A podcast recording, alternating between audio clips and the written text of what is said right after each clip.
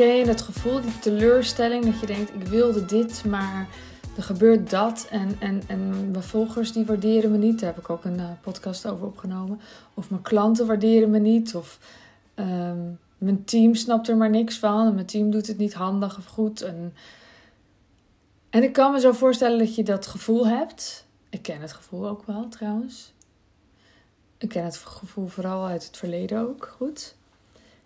En, en toen realiseerde ik me op een gegeven moment: oh wacht, dat heb ik dus allemaal zelf gecreëerd. Dit heb ik dus allemaal zelf gemaakt. En alles wat daarin niet goed gaat, daar heb ik zelf invloed op.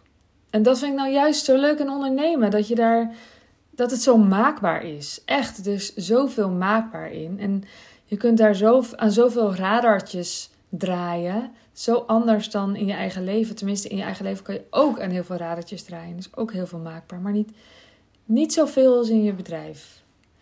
Kijk, ik weet, ja, weet je, je hebt bijvoorbeeld niet in de hand wat voor kinderen je krijgt. En of ze veel of weinig zorg nodig hebben. En hoe dat allemaal uh, gaat. En hoe, hoe, hoe, ja, hoe het allemaal loopt thuis. En of er iemand doodgaat. En weet je, daar, dat zijn allemaal hele andere dingen. Maar in je bedrijf zijn er, is het eigenlijk zoveel simpeler. Het is eigenlijk gewoon zo'n simpel, overzichtelijke entiteit.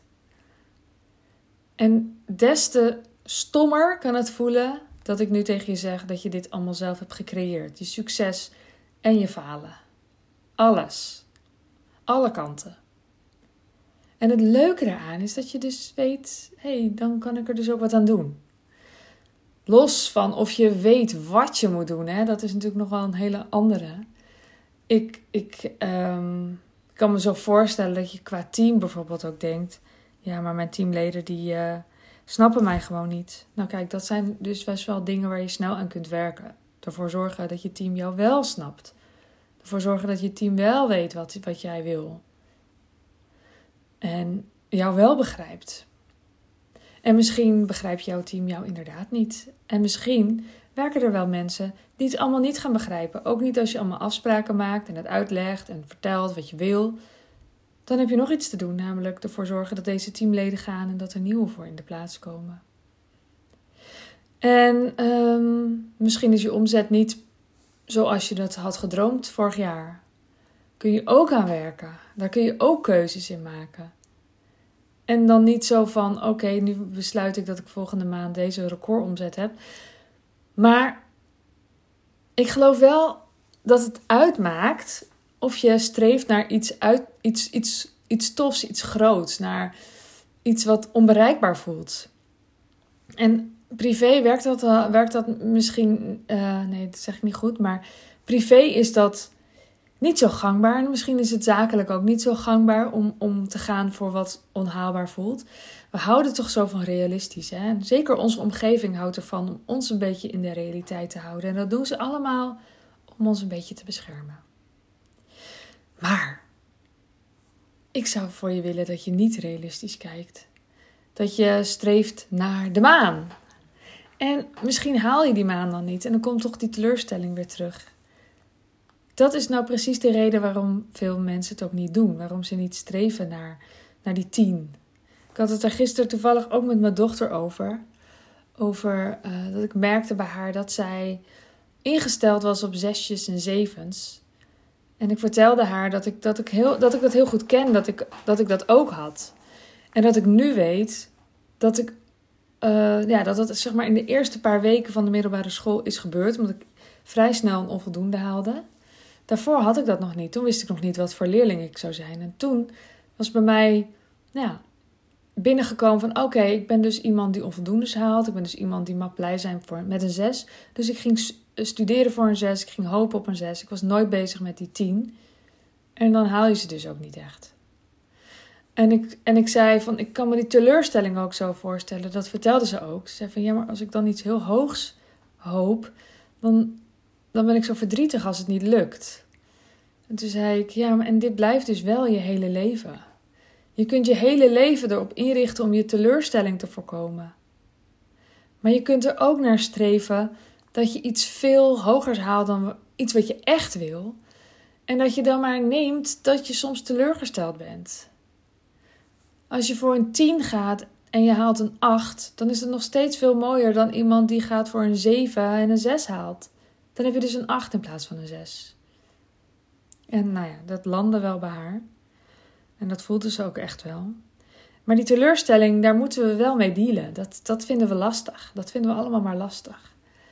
En zeker als, het, als, als een bepaalde vorm van succes uitblijft. Want ja, ik weet, als je hier naar luistert, ben je waarschijnlijk ook in een bepaald opzicht uh, sowieso succesvol. Gewoon als mens of zo. Um, maar er is iets wat jij nog wil en wat je nog niet hebt. Dat hebben we allemaal. Ook de, de meest succesvolle mensen hebben dat. Tenzij je echt een zen-monnik bent of zo. Ben ik niet, ben ik niet. Ik wil ook dingen die ik nog niet heb. En dan is de kunst zowel dankbaar te zijn als te blijven proberen. En ervoor te gaan en, en, en, en ergens iets van naïviteit te omarmen. En wat ik doe is dan ook echt journalen op wat ik wil. En een plan te maken op wat ik wil. Want ik kan wel iets hopen, maar als ik er geen plan op maak en geen acties uitvoer die daartoe bijdragen, dan kom ik er nog niet.